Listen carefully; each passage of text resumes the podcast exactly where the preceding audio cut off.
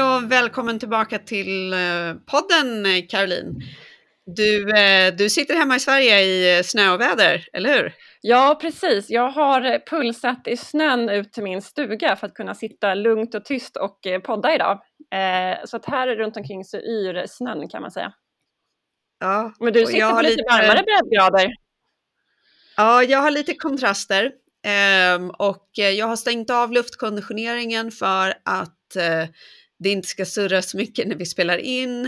Och jag har bullat upp här med massa kuddar. Eh, vi har faktiskt eh, eh trots allt eh, åkt och hälsat på vår familj i Sydafrika. Så idag sitter vi på helt olika delar av jordklotet och spelar in podden. Men vi har ju spelat in ganska många av våra senaste avsnitt online ändå, så, att, eh, så det här funkar ju det också. Och eh, idag så har vi en jätteefterlängtad gäst, som en gäst som vi har pratat med och mässat med i några månader och äntligen så har vi eh, fått till datum för inspelning. Kan inte du eh, presentera vår gäst Caroline? Jättegärna. Eh, dagens gäst heter Karin Malmsten och hon har en 30 år lång karriär inom Försvarsmakten med erfarenheter inom logistik och utbildning, arbetat som chef och att varit delaktig i både stab och ledningsgrupper. Och idag så är Karin stabsofficer på Försvarets högkvarter. Varmt välkommen Karin! Ja, tack så mycket! Kul att vara här och få vara med. Jättekul! Var befinner du dig idag då? Ja, jag befinner mig i Stockholm också, i min lägenhet.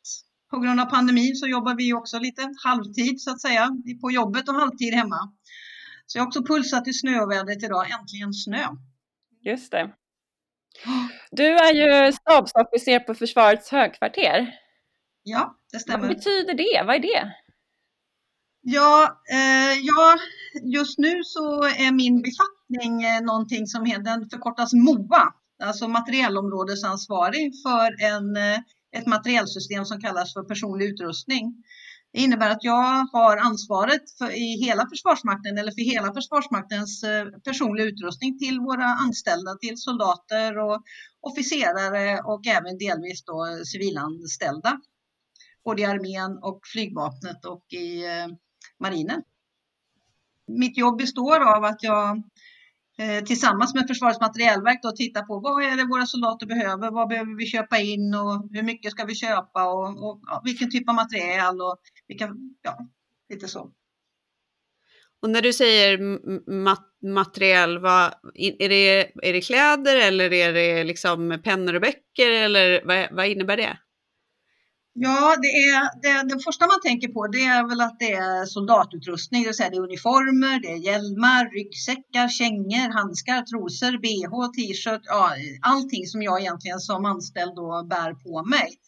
Eh, men det är ett ganska stort materialområde som består av flera, flera tusen olika artiklar. Så det är även snöskor, det är pulkor, det är skidor, det är eh, säng, logementsutrustningar till våra soldater. Ja, det, det är all paraduniform till hög, de som går, ska gå högvakt och till de här eh, eh musikerna, alltså arméns musikkår till exempel. Så all den materialen, utrustning för eh, en del hästar som ingår i högvakten. Eh, ja, det, det, är ett oerhört brett materialområde kan jag säga, innehållande väldigt mycket olika saker. Och oerhört spännande. Alltså jag har tusen mm. frågor. Jag vet inte var vi ska börja Malin. ja, jag, jag har också faktiskt tusen frågor. Men jag tänkte eh, om man går tillbaka lite till liksom hur allting eh, började. Ja, eh, vi pratades ju vid på telefon för några månader sedan. Och Ehm, då berättade du för mig också att du faktiskt var en av de första som gjorde lumpen när eh, det blev möjligt för, för kvinnor. Vad var det som liksom fick dig att, som drog dig till försvaret från, från början? Alltså jag, är ju, jag är född och uppvuxen i Skövde i Västergötland som eh, av tradition är, har varit, alltid varit en stor garnisonsort då, med mycket, alltså många olika regementen och många runt omkring som man kände som faktiskt var engagerade på ett eller annat sätt i Försvarsmakten. Så det var väl viss påverkan runt omkring där. Men eh, i ärlighetens namn ska jag nog säga att min först, mitt första val var att bli polis. Eh, så det var helt inriktat mot att jag skulle bli polis. Men då visade det sig att det fick man inte, jag fick inte bli polis för jag såg, jag såg för dåligt. För dåligt jag var närsynt. Och sa nej, det, då, då kan man inte bli polis. Och, men den där drömmen levde kvar då, men jag fick ju släcka den. Och sen var det väl ungefär när jag slutade då med gymnasiet och sådär så kunde man ju då som första, första gången som kvinna faktiskt komma in och göra värnplikten i armén. Det var en stor sån här rekryteringskampanj då. Då tänkte jag, ja men jag testar det där då. Så att, eh, jag hade ju varit engagerad i Försvarsmakten tidigare. Jag har varit med i Lottakåren, jag har varit med i Frivilliga motorcykelkåren, så det var ju inte, jag var inte helt utanför Försvarsmakten så att säga då. Så att eh, jag sökte och så kom jag in då, 83, 6 juni ryckte jag in. Okej, vad spännande. Så du ville egentligen bli polis eh, och sen så, så funkade det inte riktigt. Men eh, sen då när du eh, gjorde lumpen där första gången, hur många var ni förresten? Hur många kvinnor var det som gjorde lumpen första året som det liksom var öppet för kvinnor? Ja, det var ju för armén då som det var öppet just det året då. Och, ehm, eh, som öppnade 83 ska jag säga då. Innan hade man ju haft eh, värnpliktiga i eh, flygvapnet. Så eh, 83, 84 när jag gjorde det, då var det 91 stycken kvinnor totalt sett då, som eh, gjorde sin grundutbildning. Då. Det var, ändå, det var ändå ganska många. Jag är imponerad. Jag hade nog inte trott att det hade varit så. Eh, alltså det kanske, jag vet inte hur många är det som gör lumpen varje år? Nej, men just då så var det ju ett antal. Då var det ju mycket mer eh, soldater som gjorde sin värnplikt på den, på den tiden så att säga än vad, än vad det är nu då. Det, så var det ju då. Så att, eh, det var inte många procent av de tusen som gjorde värnplikten då som faktiskt var eh, kvinnor. Det kan, det kan vi inte på. Nej. Nej. Nej. Hur många är det idag ungefär som gör, eh, som gör värnplikten? Du tänker totalt sett eller? Ja, hur stor är andelen kvinnor idag? Har det förändrats någonting? Ja, alltså andelen kvinnor som har slutfört sin grundutbildning då, eh, nu de senaste åren då, och det från 20, om vi tittar på 2019 då så hade man en målsättning på 20 procent av kvinnor då. Men eh, det blev då 16 procent kvinnor eh, påbörjade sin grundutbildning då 2019-2020. Så det, var inte, det är inte sådär jättemånga då. Det var 4500 som påbörjade grundutbildningen 2019, varav då 16 procent var kvinnor. Vad hände, vad hände efter värnplikten för dig då? Ja, eh, då tyckte väl jag inte att det kanske var någonting för mig det här med att, att jobba som eh, officer. För att det, det som var var att när vi, när vi ryckte in, då, då var liksom kravet var att skulle man få göra värnplikten då skulle man också bli officer. Annars så fick man fick inte bara göra värnplikt. Så. Men eh, jag hoppade av det där. Jag tyckte inte det verkade vara så, så spännande och intressant som jag trodde. Då. Det var en bra erfarenhet, men jag tyckte inte det var speciellt kul. Så jag var civil ett tag och sen så började jag jobba igen, längtade tillbaka efter ett år. Åkte tillbaka upp till Sollefteå och jobbade som kallades för befälsförstärkning, det vill säga att jag var, jag var anställd som soldat kan man säga då, och jobbade under ett år och sen sökte jag till officersutbildningen och kom in och sen så, ja, och resten är historia liksom. Mm. Så, eh, och sen dess har jag hängt kvar. Vad var det som förde dig in liksom till materielspåret då? För det måste ju ha varit en fantastisk alltså resa för, inom försvaret tänker jag. Jag ser de här liksom, eh, kanske lite väl att ta i svartvita bilderna, men ändå de här ganska gamla bilderna på hur, hur uniformen såg ut där och då mot hur den ser ut idag. Och sen nämner du också det här kvinnoperspektivet med bh och trosor och liksom man har ju hört hur det inom polisen hur det har utvecklat sig med kläder just för kvinnor. Vilken resa har du sett där? Vad har du varit med om? Ja, nej men alltså jag, jag, jag är ju logistikofficer så jag har jobbat med logistik på ett eller annat sätt, logistik och utbildning framför allt under hela min karriär. Då. Men just det här materialspåret, det har jag ju börjat med nu sedan några år tillbaka. Då. Men det är klart att när vi när vi ryckte in 1983, det var ungefär som man, man, man ställde sig frågan, var de ens förberedda på att det skulle rycka in kvinnor? Så när man gick vi skulle hämta ut ner på förrådet och, och de slängde fram ett par storlek 40 kängor och sa jo, jo, men det funkar. Det är bara att ta två par stockar och lägga lite tidningspapper i fram så funkar det. Alltså det, det sådana grejer. Så vi, vi fick ju gå ner på stan och köpa kängor till slut för det fanns ju inte så det passade. Eller viss del av uniformen, det var någon snödräkt. Den var ju så stor så den fick de ju liksom mer eller mindre klippa av då för att den skulle passa de minsta tjejerna. Så det var det, det, var liksom precis som att nej, men ni, ni har sökt er hit, frivilligt liksom, och så det här är här vi kan erbjuda och varsågoda då. Så det var, det var knöligt med utrustning i början och eh, trosor och bh det fanns ju inte utan vi var ju hänvisade till kalsonger, stora fladdriga kalsonger som killarna hade. Liksom. Det var ju det vi hade då. Jaha. Men när började sånt ändras då? Det tog ganska lång tid, alltså det tog nästan 20 år skulle jag vilja säga innan man på något vis började inse att ja, ja, men nu, nu behöver vi nog eh, se till att även kvinnor i Försvarsmakten har materiel som passar. Och att, och vi drev ju på mycket att det skulle, man skulle ha en bh och vi hade ju eh, jag kommer ihåg när jag åkte i utlandstjänst då, då sa de så här, men ni ska inte behöva ha era egna bh då, men ni får springa ner på stan och, och köpa bh. Så fick vi ju, vad var det, 1200 kronor att springa ner och köpa bh på stan då liksom. Det var ungefär så man såg på det då. Eh. Alltså, när du säger att eh, ja, men det tog ungefär 20 år så för de som lyssnar så vi har ju video och kan se varandra via video också och jag och Caroline gjorde ungefär samma ansiktsuttryck. Vi bara spärrade upp ögonen och, och hakan tappade. Ja. ja, alltså 20 år för att, att ja, men ja, det, det kanske är, ja. Men jag har hört någonstans att, att försvarets bh är några av de absolut skönaste, stämmer det? Ja, skulle du fråga en del av tjejerna så skulle de nog inte hålla med, tror jag faktiskt. Nej, det finns ganska mycket, ganska mycket synpunkter på, på den eh, bh som finns. Jag menar, vi, som, vi som kvinnor vet ju att eh, det här med bh, det är, är ganska komplicerat. Det är mycket storlekar, det är mycket modeller och det ena som passar den ena passar inte den andra. Så det där är en jätteutmaning. Jag sitter och håller på med det nu då, så det är en superutmaning att få till det här att det ska passa och, och någonstans ska kännas okej. Okay. Det, det, är ju frågan om att men alla soldater ska ju kunna ha någon form av eh, operativ förmåga. Liksom, och kunna, då ska inte materielen vara ett hinder för det. Liksom. Man måste ju ha materiel som, som du kan, kan eh, ja, kriga i om jag får uttrycka mig så. Mm. Mm. Ja.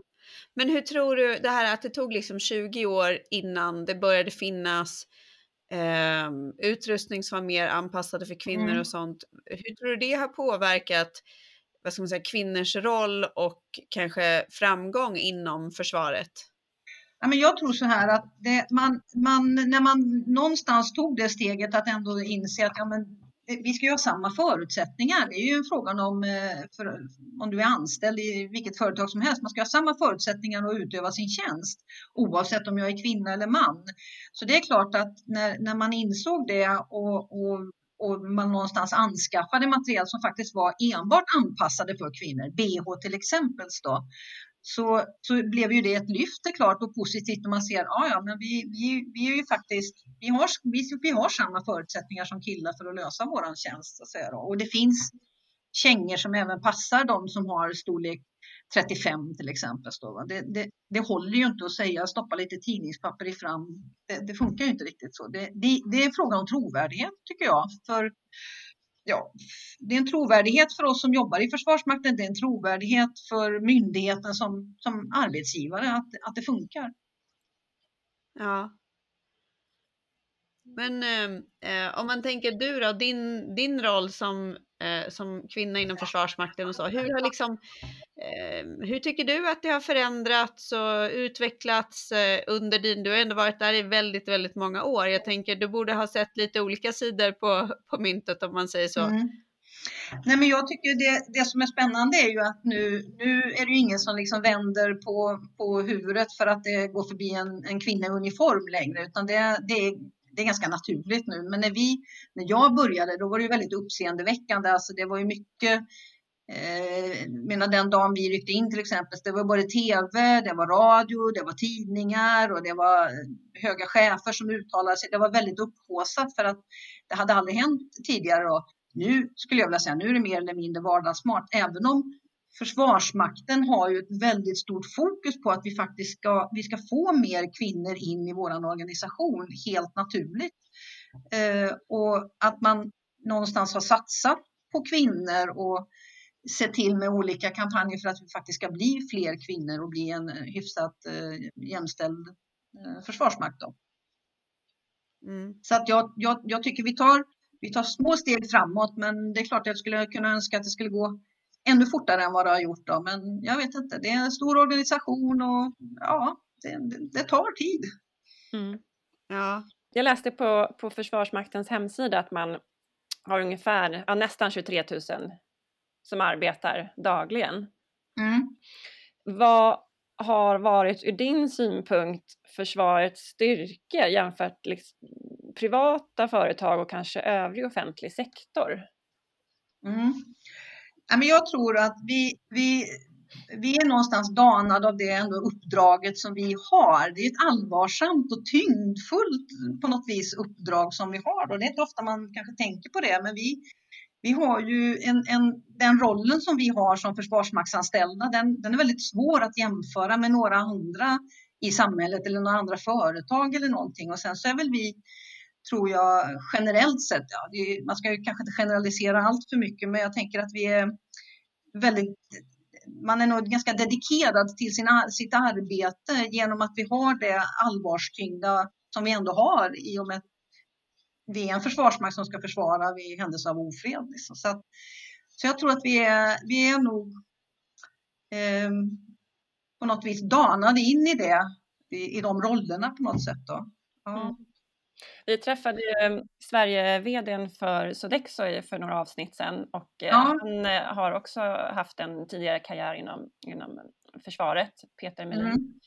Och han sa det att ehm, det som han tyckte var försvaret, liksom, en av framgångsfaktorerna är just det här med ledarskapet och mm. eh, gemenskapen som man lyckas mm. skapa.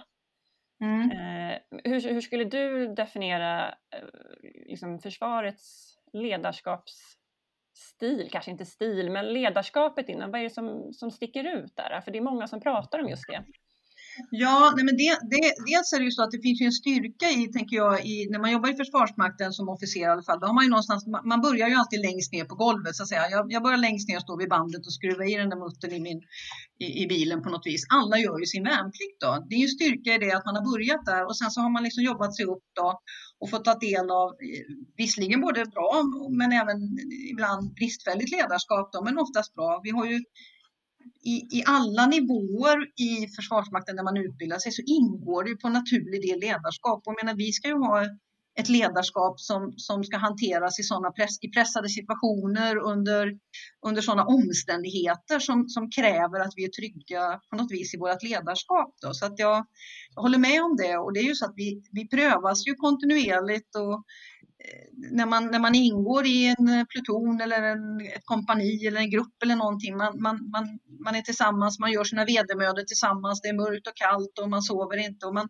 man pressas ju till det yttersta på något vis. Då. Och det är klart att det, det ger oss en erfarenhet som att, att leda under alla förhållanden. Jag, jag är inte bara liksom inne på ett kontor och leder min verksamhet utan jag, faktiskt, jag har lett personal i alla möjliga situationer och många av officerarna har också varit utomlands och varit på insatser under ganska svåra förhållanden och också fått, fått pröva sitt ledarskap helt enkelt. Då. Mm.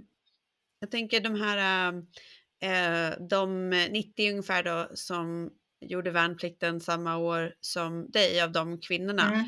Eh, vad har, vad, är det nog fler av dem som har stannat kvar inom försvaret och vad har hänt med den där första liksom, kullen av kvinnor som, ja. som påbörjade då? Vet du det? Ja, jag vet ju att en har blivit general i alla fall. Det är ju eh, ställföreträdande arméchefen eh, Laura Svan Vrede. Så, och sen så finns det, jag har inte riktigt statistik på vart alla de har tagit vägen då, men jag vet ju mitt, i, i det gänget som, som ryckte in tillsammans med mig så är det bara jag kvar. Så att säga. Då. De, de, mm. det var inte så många som fortsatte efter det. Då. Så jag tror att det var, det var inte så förfärligt många som gick vidare då. Men det finns några överstelöjtnanter, en och annan överste och eh, general också. Då, generaler. Mm. Men det var ändå, mm. man läste ju för ett år sedan va, som Eva Skog Hasslum blev Sveriges första marinchef. Mm. Ja.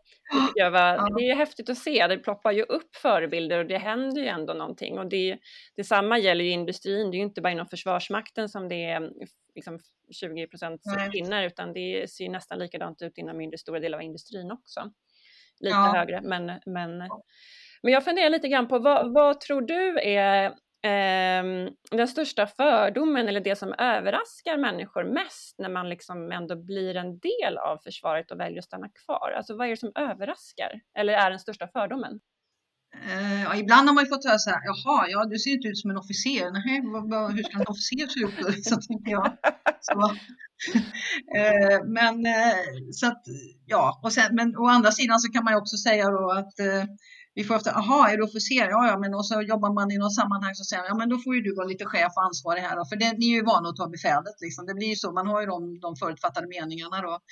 Suttit i, när barnen var små, det skulle vara klassförälder, då kändes man liksom, alla blickar var mot oss som officerare liksom, att vi, vi någonstans skulle driva det där framåt då. Det var ju lite kul. Jag tänkte på det du sa med kvinnor då, för att det är ju faktiskt så att i våran i eh, försvarsmaktsledningen nu. Utav de tio som sitter i försvarsmaktsledningen så är det ju fyra stycken kvinnor varav då två utav dem är civila. Vår ekonomidirektör eh, till exempel då, vår chefsjurist är båda det är civila kvinnor då. Och sen så har vi ju två stycken eh, generalmajorer som jobbar i försvarsmaktsledningen. Och sen har vi ju våran ställföreträdande arméchef då och våran marinchef också som är kontradmiral då. Ja. Så jag tycker det är jättehäftigt. Det är superhäftigt. Mm. Men se, har du liksom upplevt att man bemöts annorlunda på något sätt när man kommer som kvinnlig officer eller annan befattning eh, internationellt sett? Nej, det skulle jag inte vilja säga att jag har gjort på de, de uppdragen jag har varit ute på, utan jag tog, det var nog snarare delvis en, stundtals en fördel faktiskt att, att komma ut och de tyckte det var lite eh, spännande. De, de, när jag var nere i, i, Bosnien till exempel, de, de ryska officerarna tyckte det, oh, de tyckte det var jättespännande med en, eh, en eh, kvinnlig officer som kom. Liksom. Så att det var, nej, jag, jag, jag har nog inte inte åt det negativa hållet utan snarare åt det positiva hållet. Det var, det var snarare fördel i viss del att, att faktiskt vara mm. eh, kvinna. Alltså jag, jag tänkte säga det, det är ju faktiskt en, eh, att det inte ses på som någonting konstigt. Det är ju faktiskt eh, superpositivt eh, att höra.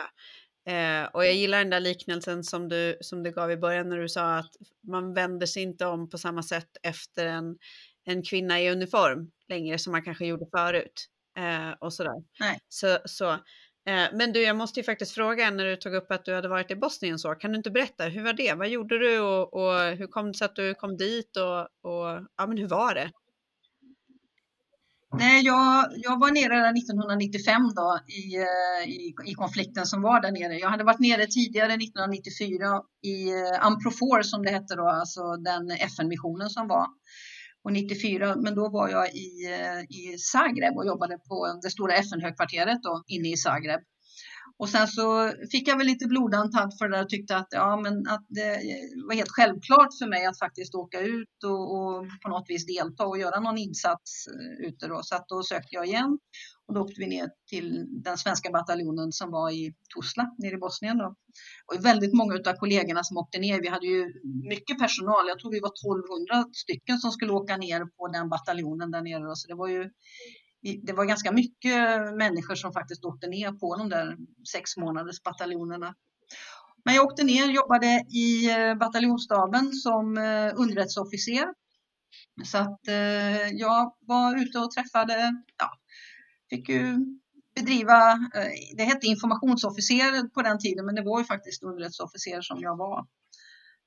Och ja, fick ju träffa de parterna där nere och man hade samverkan med dem och, och, tog in rapporter och sammanställde rapporter över de underrättelser som våra egna förband hade fått in då, i sex månader. Så det var, ja, det var otroligt eh, utvecklande och spännande på många sätt samtidigt som det var ju eh, bedrövligt att se hur det var där nere liksom, just då.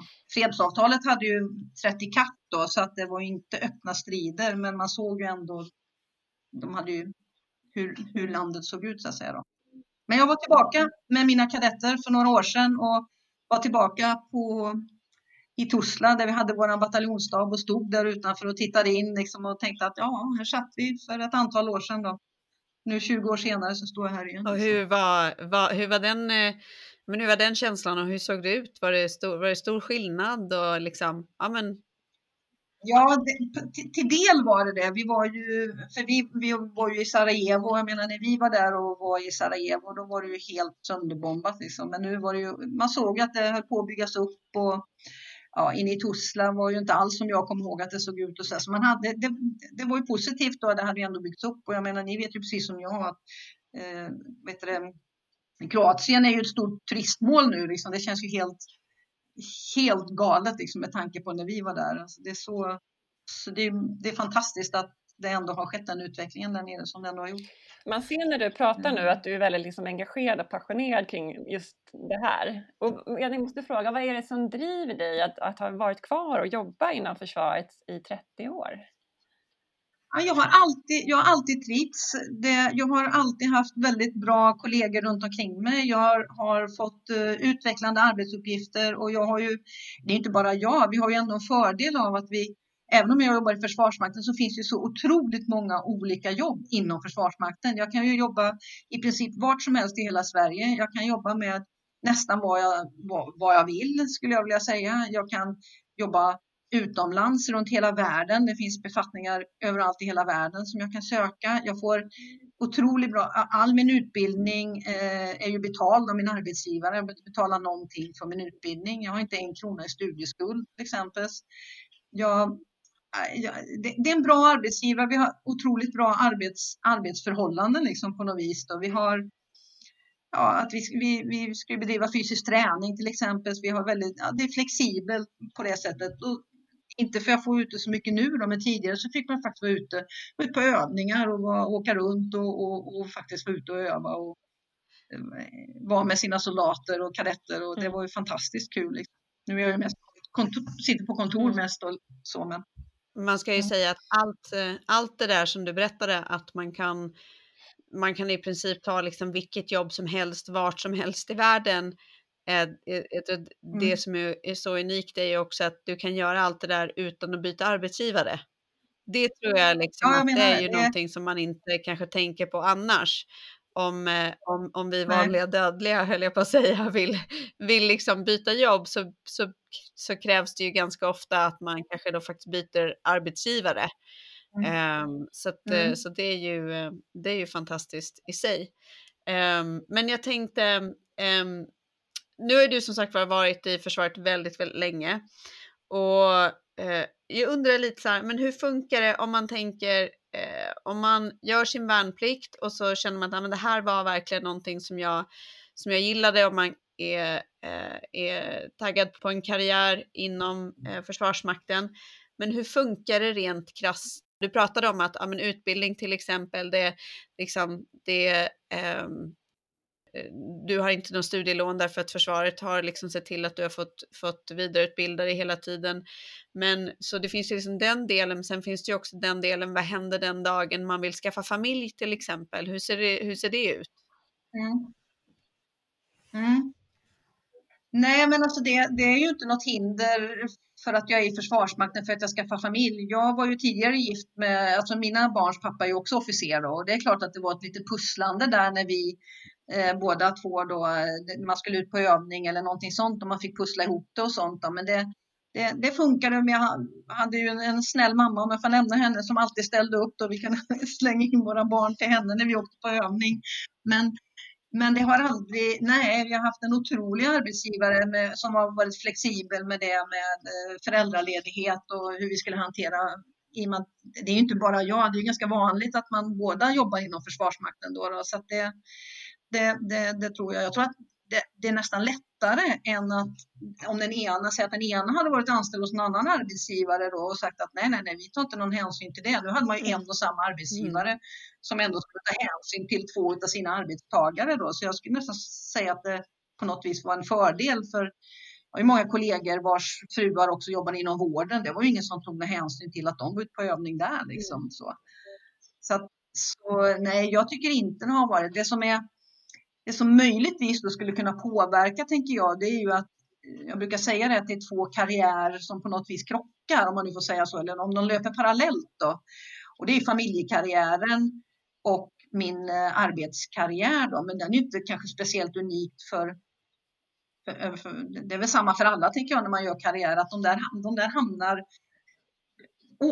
årsmässigt samtidigt i, i livet på något vis då, så ska man någonstans mm. omhänderta dem. Ja, du då. menar att man, att man själv är liksom mitt i karriären precis när, när, det är, när man eh, får barn och, och, och startar ja. familj och så? Ja. Ja, och, och det är klart att jag, när, när jag var gravid med mitt andra barn till exempel, då, då, ja, vi var ute på övning och man var med där och, och det, det, funkar ju på något vis då, men sen blir jag ju ändå borta i, ja, som jag i alla fall valde att vara hemma i ett år då, så det är klart, att det, då, då valde jag ju, istället för karriären där då, så valde jag familjen. Liksom. Ja. Mm. Hur ser det ut med pappaledighet? Är det många, eh, är det många män som tar ut eh, pappaledighet? Har det liksom blivit vanligare också? Ja, jag såg någonstans om att det faktiskt har eh, ökat och att det är fler män som nu tar ut sin eh, föräldraledighet. Då. Men det, men det tror jag, det är väl så i hela samhället. Det är ju fantastiskt när man går i, här i Stockholm och ser kaffe kallar jag dem, för det är ju det de kommer med sina barnvagnar. Ja, jag tycker det är häftigt. Ja, så det, det är väl en allmän trend, tänker jag. I nu måste jag ställa en sån här fördomsfull fråga för att jag tycker att den är lite rolig. Men du sa att både din, eh, okay. din tidigare partner där och, eller pappan till dina barn sa du, eh, och du var inom Försvarsmakten.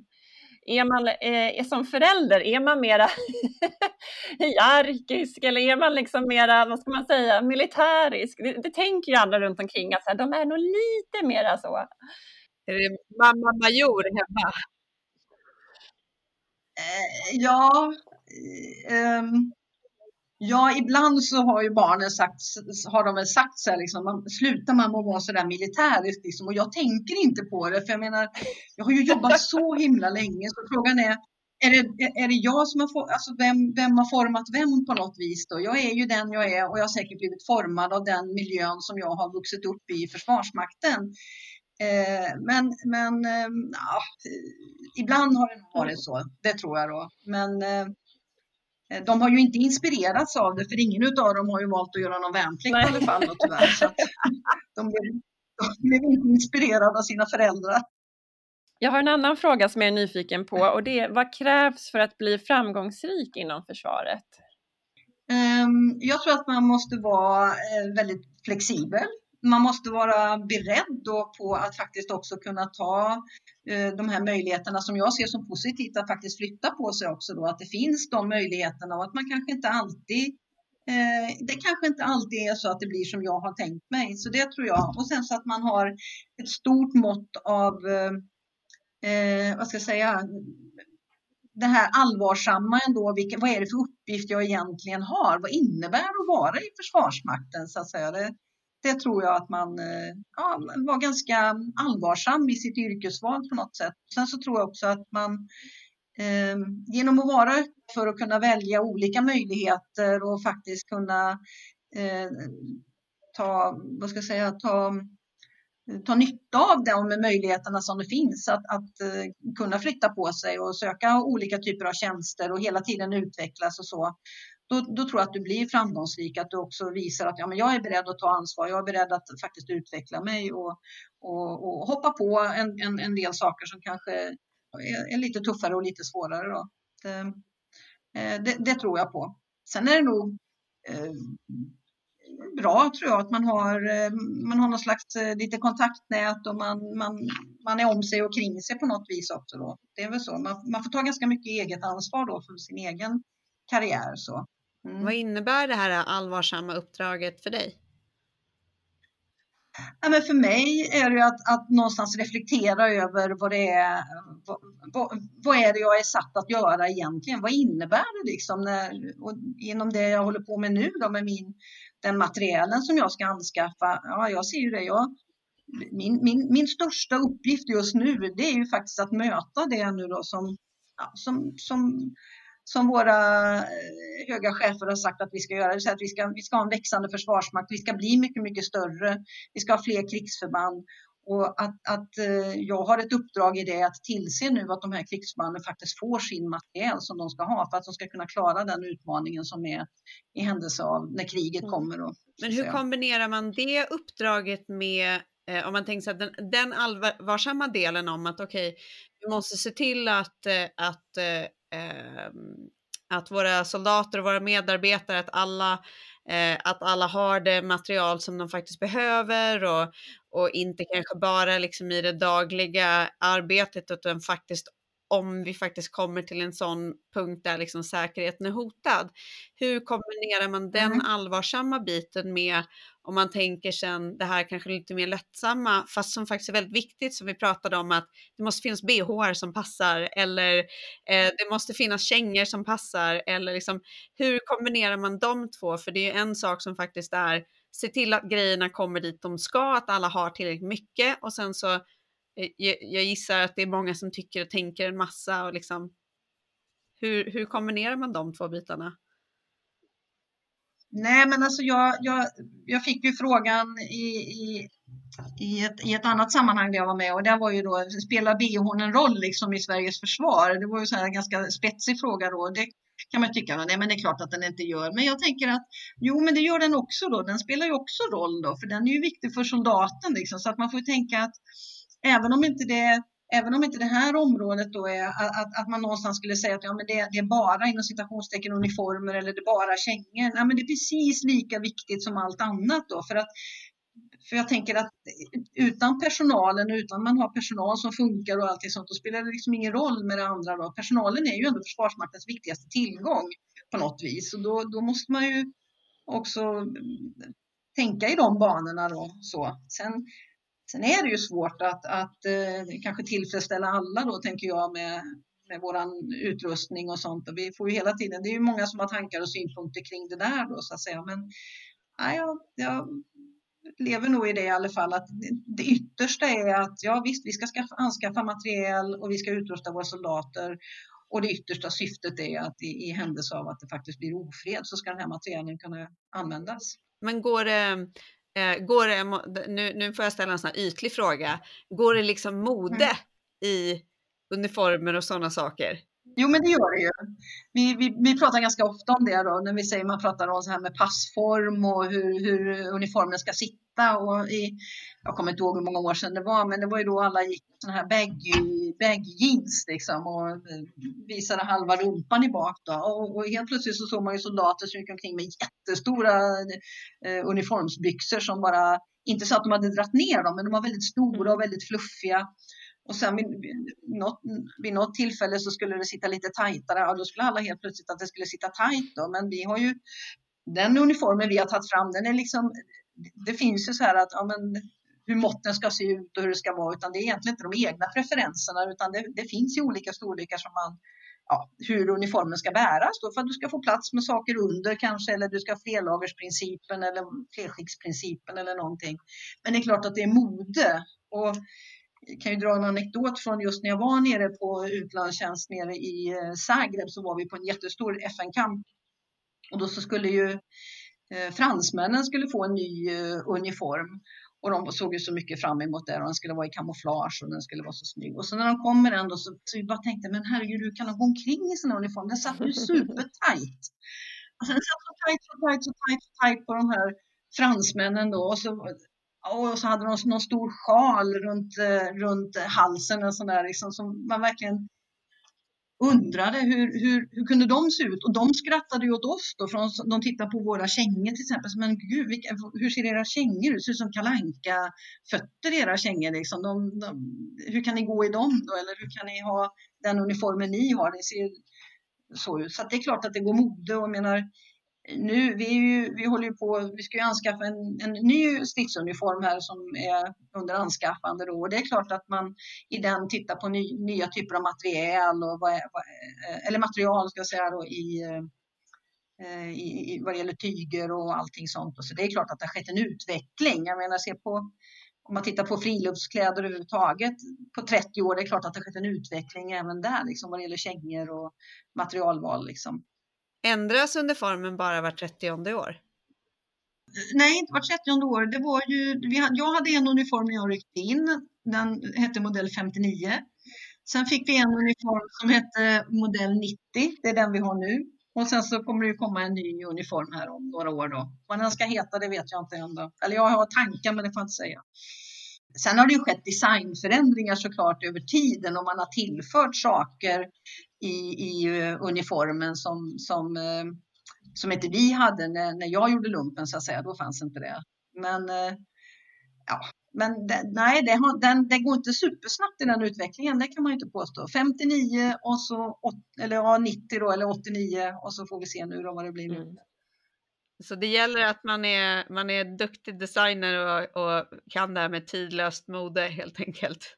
Ja, vi har ju, nu är det ju det är ju Försvarets materielverk som gäller och deras eh, så att säga, textilingenjörer och, och, som är med då, eller som faktiskt är de som ju tar fram det här och så att säga jobbar mycket med det då, på vårt uppdrag såklart. Då. Men eh, Ja, nej, det finns ju mycket. Alltså, det är ju en, vi brukar säga att, att vara officer är en materiellsport. Mm. Liksom. Det, det, går aldrig att ha för lite material eller för mycket material. Det är kul, för den här podden heter ju Framgångsrik eller framgångsrik och det är verkligen intressant att materiel och material, liksom, uniform och utrustning är en så viktig del för att kunna vara framgång i sitt alltså framgångsrik i sitt arbete.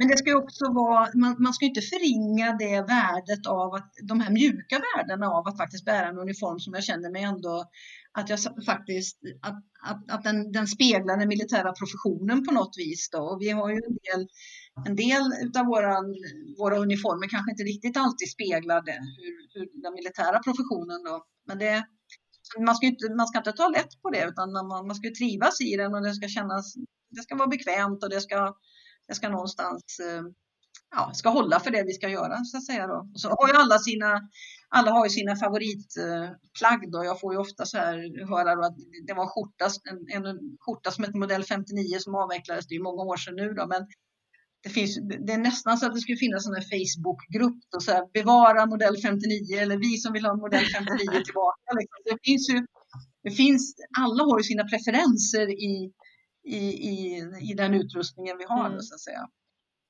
Så att de, de ja. Ja, och, så, och utrustning gäller Jag tänker i andra branscher, det, jag, nu så råkade jag säga bara sjukvården, men det finns ju massa andra branscher också som är väldigt beroende av den typen av material. Jag tänker byggbranschen och allt som har med säkerhet att göra och mm, säkert många, många fler. Men just försvaret och militären är väldigt tydliga där i och med att det just är uniform och det liksom finns mm.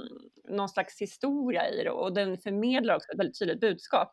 Och sen kan inte jag, jag är inte upplärd i alla liksom befattningar som finns och alla medaljer och sådär, men det är ju också ett språk som den talar.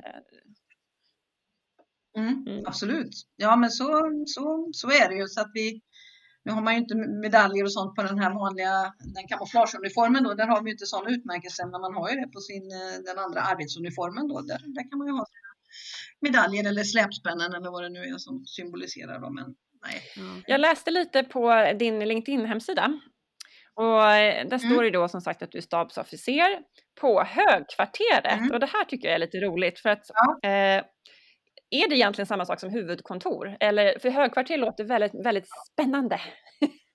Det låter som att det är där, liksom, det är där de sitter och, och, och spanar över, över riket. Liksom. Det är där som vi bestämmer sitter. Ja, nej, men det, nej, men så är det ju. Det är ju Försvarsmaktens högkvarter. Det är ja, huvudkontoret om man skulle säga så. Det är klart, där sitter koncernchefer, eh, chefen och med sin stab och, och så vidare. Då. Så att det, ja, det stämmer. Och det, det, det finns ju i, för närvarande just nu i Stockholm då, på, där jag mm. jobbar. Ja. Och sen finns det ju högkvarter, eller man säger staber för varje, så armé, det finns ju en arméstab mm, och så finns det ju en flygstab och marinstab och så. Då, så att de, men de sitter inte här i Stockholm då. Så det är lite, Ja, det, det, det, kan man inte sticka under stolen med att det var en känsla första gången eh, hösten 2018 när jag klev in på högkvarteret. För det har ändå varit någon målsättning ända sedan jag började i Försvarsmakten att innan jag slutar i Försvarsmakten så ska jag ha jobbat på högkvarteret och det, nu, nu blev det så. Så jag är lika stolt varje gång jag faktiskt går in där och, ja, i de här gamla byggnaderna ändå. Jag nämnde ju det, den här podden heter ju Framgångsrik eller Framgångsrik. Vad är ja. din definition på framgång? Ja, framgång tycker jag är när jag, om jag får utgå från mig själv då, det är ju när de, de målsättningarna som jag ändå har satt upp då, jag har, att jag når dem, då tycker jag att jag har nått eh, min, min framgång så att säga. Den kanske inte är mycket för någon annan då, säga att ja, att jag, att jag till exempel skulle jobba på högkvarteret, det kanske inte är framgång för någon annan, men för mig har det varit en framgång att jag faktiskt, att jag når de målen som jag ändå har satt upp då. Jag var ganska tidig i min karriär så hade jag en plan för hur, hur den karriären skulle se ut och eh, jag har ju följt den till inte till punkt och pricka, näst, men nästan. Så på mitt sätt så för mig har det för mig varit en framgång då. Eh, det tycker jag att jag ändå jag hade mina mål och min vision och mina drömmar och jag lyckades faktiskt uppfylla dem då, så att jag fick framgång. Men eh, man tänker mm, om det är några, eh, om det är några kvinnor som lyssnar på den här podden som, eh, som kanske funderar då på att eh, eh, på att ge sig in i, i, i något område inom Försvarsmakten. Vad skulle du vilja ge för råd till dem? Eh, att inte tveka att göra det, men också att, vara, att, att faktiskt vara eh, vad ska jag säga, ta reda på ganska mycket om vår organisation tänker jag innan man ger sig in. Då. Men jag brukar i alla fall uppmuntra min, mina vänner runt omkring civila som söker jobb att säga så att sök till världens bästa arbetsgivare, det är Försvarsmakten. Jag är helt övertygad om att det är en, det är en otroligt bra arbetsgivare skulle jag vilja säga. Eh, så att, eh, jag uppmanar att, att, att faktiskt söka för att det finns som jag sa, det finns så mycket inom Försvarsmakten som är så positivt ändå med att jobba i det här företaget om man nu ska säga så. Det, jag tycker det, det, eh, det finns mycket, mycket fördelar. Vi har, vi har bra ar, ar, arbetsbetingelser, bra arbetsmiljöer och, och bra, eh, bra förmåner helt enkelt. Det, och det är ett fri, väldigt fritt jobb. Så. Mm. Mm. Ja, men eh, jag, jag måste säga, jag är grymt tacksam att du valde att vara med i våran podd och att du har tagit ja. dig tid och dela med dig och jag tycker att eh, din roll är så fantastisk för det är också en roll som ja, nog egentligen inte, det är väl självklart att det finns liksom att alla ska ha kläder och, och material men jag har nog aldrig reflekterat över att det faktiskt sitter någon som, som ansvarar för det och, som, och, och att det är verkligen allting från eh, ja, skorna och skärpen och, och sängkläderna till bhn och trosorna och vad det nu kan vara för någonting. Så att eh, det är ju, det är ju verkligen det, det är en, en riktigt cool roll du har faktiskt måste jag säga. Ja, det är det. Den är ju, samtidigt är den ju ganska uh, utsatt roll. Då. Jag, fick, jag fick ju fundera länge innan. Jag fick ju erbjudande om att ta den här uh, befattningen då. Det var ju många som sa gör inte det Karin för att det, det, det, det, det kommer bli din, uh, din undergång liksom. Men jag, jag tänker, ah, vadå? Jag måste väl ingen som kommer ihåg en fegis. Liksom. Jag måste köra på det här. Jag, jag såg framför mig att det här, nej, det här ska vi ta tag i på något vis. Då. Så att det, Ja, jag visste ju själv. Jag har ju suttit själv där och varit våndats över att det inte finns utrustning som... Eh, så tänker jag, nu har jag chansen att kunna påverka mm. då. Ja.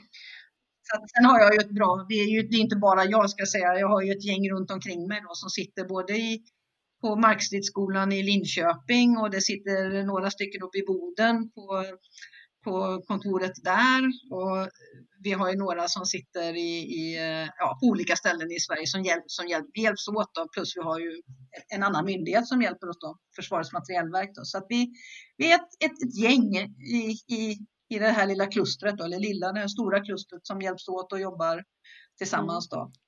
Så det, ja, det, ja. Ja, det har varit riktigt kul att få höra också kvinnans utveckling inom försvaret och också försvaret som arbetsgivare, det som du ser. Så jättetack för att du har delat både ja. personliga berättelser och fakta och eh, ja, din, din resa. Mm. Jätte, mm. jättetack Karin. Ja, verkligen. Mm. Stort tack. Tack för att jag fick vara med. Ja, tack så mycket. hej. hej. hej.